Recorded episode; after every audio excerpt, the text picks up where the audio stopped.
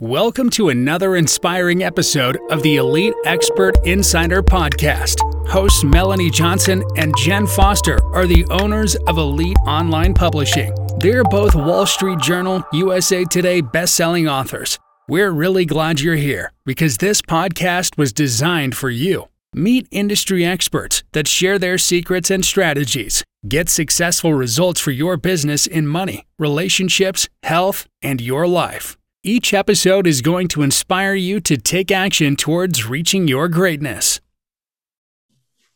Hi everyone, this is Melanie Johnson along with Jen Foster, the owners of Elite Online Publishing. Hey Jen, how you doing today? I'm doing great. It's a beautiful day outside and inside. Well, good because it's raining cats and dogs here. So, uh, listen, we're going to get started. Today's topic is leadership what you didn't know that you thought you knew about leadership that's going to change your world. But first, make sure you subscribe to the podcast and um, you leave us a review. We'd love to hear from you. So, leadership is a huge topic now. And you know what? There's so many different ways to come about it, to look at it, and to be a great leader. And I always tell people, I didn't think I had to look up look at leadership stuff. Um, I'm leading my own company, you know, I'm leading myself, but then I realized I was the leader of my family. So, you know, you're leading yourself, you're leading your family, you're leading friends, even in groups and your business. There's so many different ways to use leadership. So, what I'm saying is, this is for everybody, the things that you're going to learn today. So, welcome, David Dye, and uh, welcome, Karin. Um, we have Karin Hurt. So they are authors of several books on leadership. Welcome for being here today. Thank you. Thank you so much for having us. It's our pleasure. Well, tell us a little bit how you got in this industry and about some of your books. Oh, well, so before starting Let's Grow Leaders, I was at Verizon for 20 years. So the first uh, decade was a variety of HR assignments. So uh, HR, uh, merger integration, training, organizational development, that kind of stuff. Then I went out and did a variety of field assignments. So I led a 2,200 person sales team, a 10,000 person customer service organization. And so everything we do is grounded in reality. It's it's it's very very practical. In my last role there, I was uh, working to transform our strategic partnership channel, which is all the outsourced call centers uh, that take Verizon's calls. And we went through a period where we had a a, challenge with the customer experience because we had ramped up real fast when they start first started selling the iPhone. And so I was brought in to do a bit of a turnaround and working with these companies. And as I was doing that work, was finding I was telling the same stories again and again, trying to create really practical tools to support these companies to help transform their cultures. And so I started writing a blog because I thought this would be helpful for these companies and for the folks on my team internally who were working with them.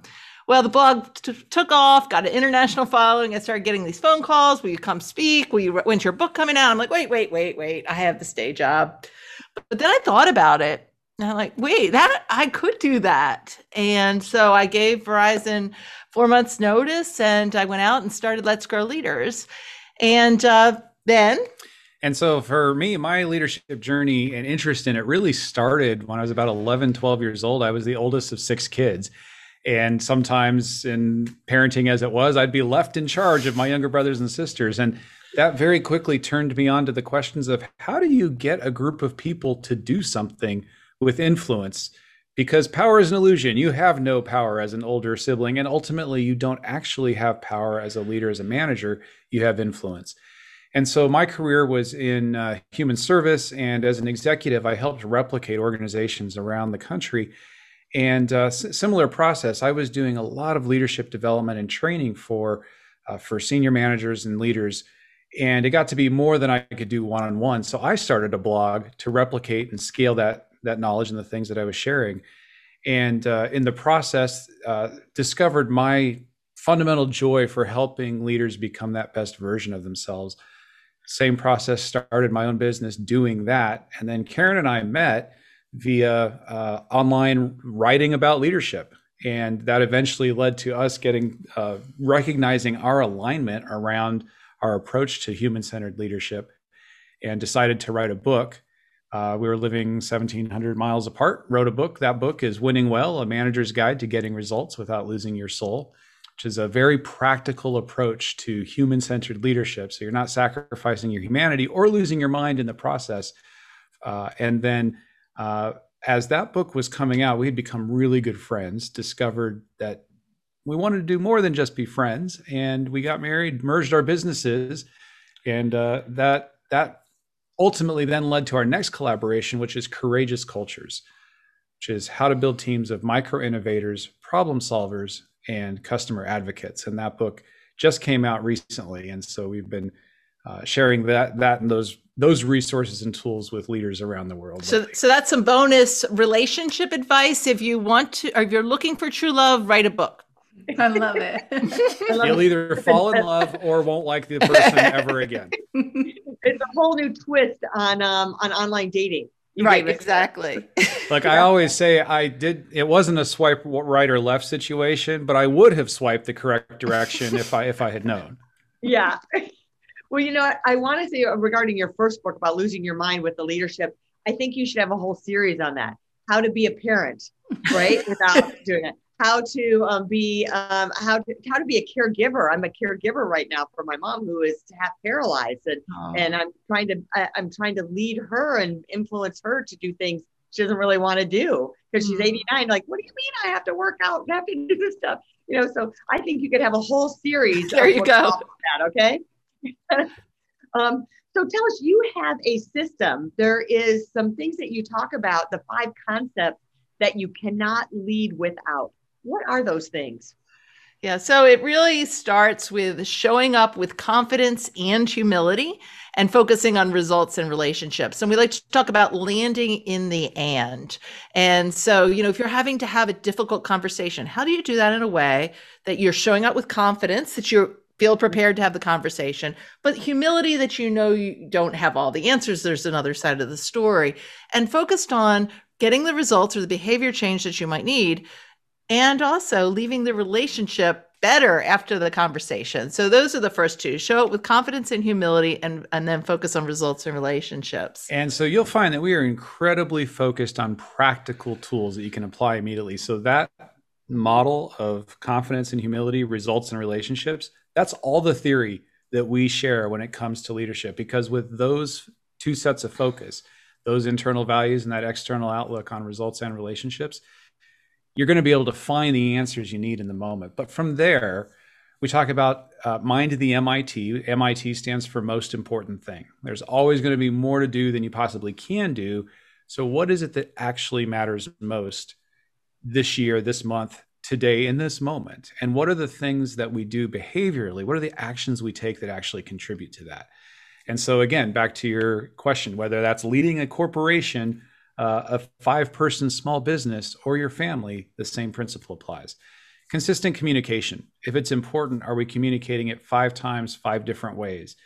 Uh, in this world, not that it ever was, but in this world, once is never enough. If we communicate something once, we haven't communicated it. So it's the consistent touch points that help people to internalize what it is that matters most. Uh, then uh, check for understanding, which is communication is a loop. There's a send and there's a receive, and communication hasn't happened until the send and the receive match one another.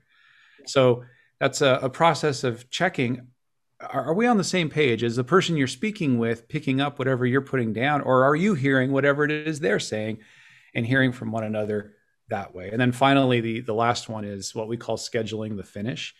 And this is a mistake that so many of us make in our urgency is that we assume that everyone understands when this thing needs to happen, when it needs to be done, what done looks like.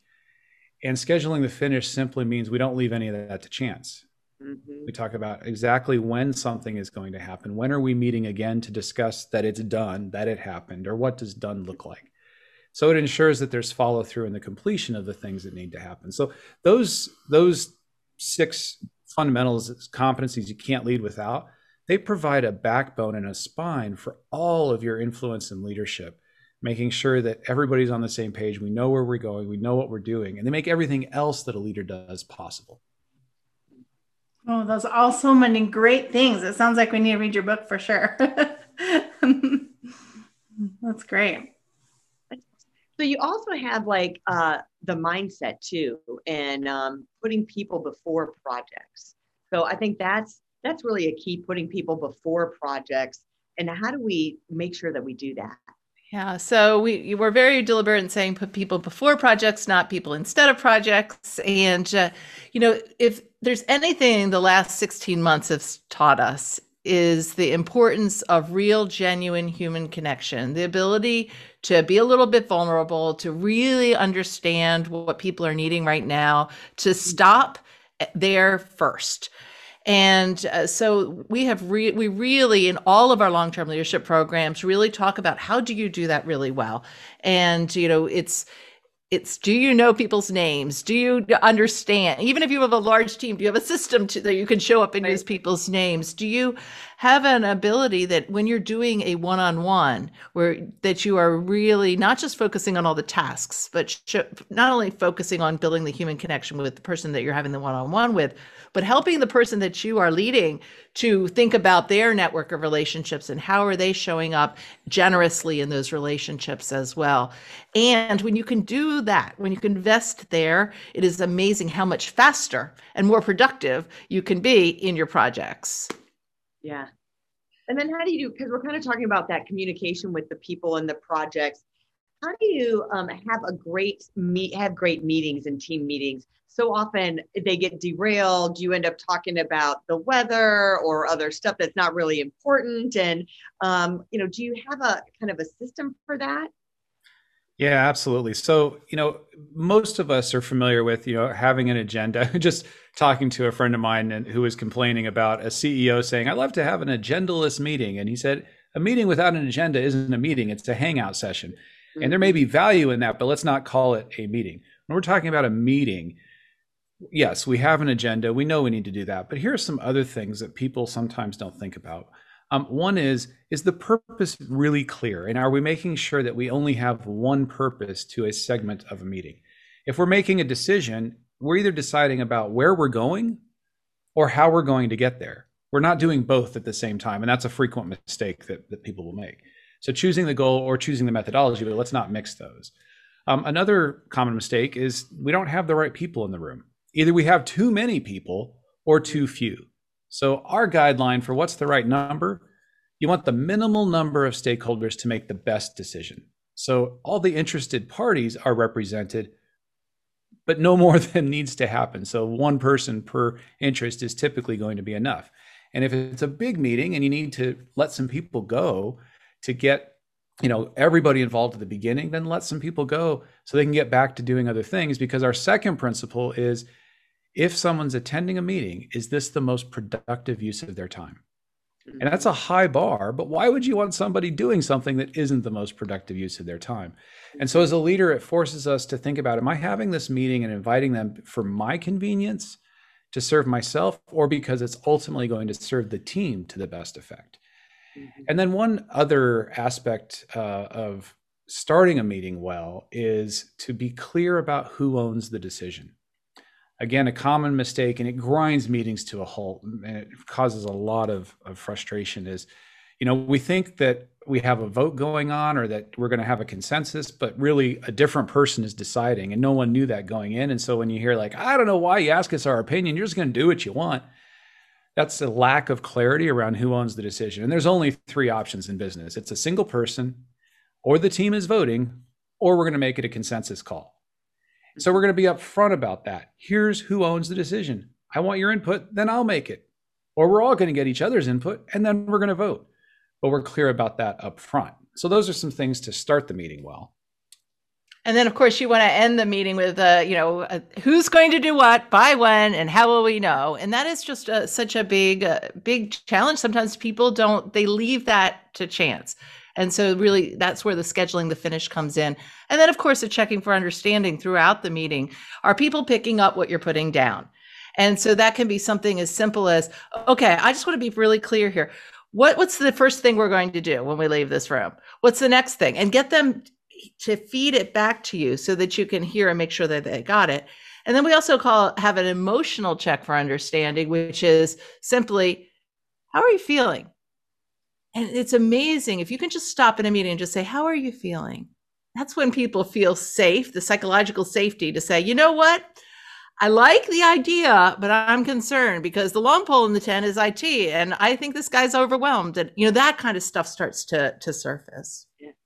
And you know, I really like what you're saying about um, that follow up and stuff. I can't tell you, we've had times in our meetings where we set something, we thought everybody knew what they what they're supposed to do, and then you know it's due the next week, and then nothing is done. Well, I wasn't really sure. Yeah. Well, did you communicate with me? did you tell me? You know, it's like you're going through that whole thing. It's like so there's an accountability, like you said, throughout the process. How long without having to feel like you're micromanaging someone? How right. often should you be checking in on their progress to see how it's going? So um, you don't feel like you're like on top of them. They're still having the freedom to do it, and you're you're leading them versus micromanaging them. Yeah, it goes back to that scheduling the finish thing. Is so if it, let's say it's a two week assignment, and you've got a very clear time where we are meeting to go over the results of whatever that task was, mm-hmm. that's that's going to be adequate. If it's a longer thing, like say a six month type of a project, schedule some check ins. So it's on our calendar, and I know when that check-in is happening but here's the thing to make those check-ins really valuable we're bringing something to that. So if you've given me melanie an assignment and i'm working on it maybe that first check-in is i need to bring you a spec sheet or i need to bring you a uh, you know a rough draft or i'm bringing something concrete to that meeting not just a hey david how's it going? Oh it's going great. You know it's there's some actual tangible thing i'm bringing that is a demonstration of here's the process and here's the progress. And that, uh, that, alleviates the need for us to to constantly be feeling that need to check in. We know it's happening. We both do. I really like that because it's built in check-in points so they know ahead of time when you're scheduling that meeting of that you can like they expect that they're going to be there in a week or whatever to to do that. And um how do you really empower people? Is there a way to empower your team you know, one of the the concepts that we teach is uh, helping to do strategic empowerment by helping people understand what decisions, where the guidelines are. So we talk about hard lines. Like there are hard lines in business. These are things that you don't have any decision making power in. This is compliance issues. These are legal things, right? This is your brand standards. Like we don't want people getting creative with our brand standards. You know, it, this is the font size. This is the color. That's a hard line. Yeah. Guidelines are areas where you say, okay, you have leeway here. As long as you stay within these parameters, go make the decision. Just keep me informed. And then, uh, you know, and then you've got your lines, which are you do this any way you want. I want you providing recognition to your team every every week. Here's your budget. You know, don't do don't take them to a strip club, but other than that, go for it. You know, and uh, you know this really came. I w- was doing some really strategic coaching with a fairly senior person at a, a tech company, and she was getting super frustrated because her team she's like they're telling me i'm micromanaging but it's weird because they bring me these decisions that I don't need to be involved in, but then they'll go off like a wild, wild west and make some big decision, and I'm and I'm blindsided when I hear about it from my boss. There's like they're pulling me into the wrong things. Yeah. So this is where we we took these hard lines, guidelines, and your lines. She came up with the parameters, communicated with her team. Everybody relaxed, and they were more efficient because she wasn't getting pulled into things she didn't need to be. That makes complete sense and I can see how all of those things that you just said apply to a parent with their kids. Absolutely. Right? You know, I'm telling that's your next book. We're gonna roll that in. You're gonna have a whole series. There's like we do have a children's book. well, there's the five languages of love. They do it for couples. They do yeah. it for uh, teenagers. They do it for parents. So I, I just set set the seed there for all of those that we have. Tell everyone where they can uh, reach you and uh, get more information. Yeah, so our website is letsgrowleaders.com and you can get free chapters to all the books. Uh, we have a blog. I do a, a LinkedIn live show on Fridays, uh, asking for a friend. David has a podcast, Leadership Without Losing Your Soul. You can find all that if you just go to letsgrowleaders.com and you'll see the pathways there. That sounds awesome. Thank you so much for being on our show today, both David and Karin. Uh, so much information that you gave us. So that wraps it up for us today. But remember, if you're looking to write a book and want to become a number one best-selling author, we guarantee that, whether it's Wall Street Journal, USA Today, or if it's Amazon um, at Elite Online Publishing, go to the submission form there and we'll see if we think you're a good fit for us. And we'll see you next time right here at Elite Expert Insider. Hey, are you looking to increase your revenue, build credibility, and elevate your brand? This podcast is brought to you by Elite Online Publishing, an innovative publishing and full spectrum marketing company. They will publish and market your book to make it a number one bestseller. Becoming an author is the best way to market your business. So contact them at eliteonlinepublishing.com today. All of their authors become number one bestsellers.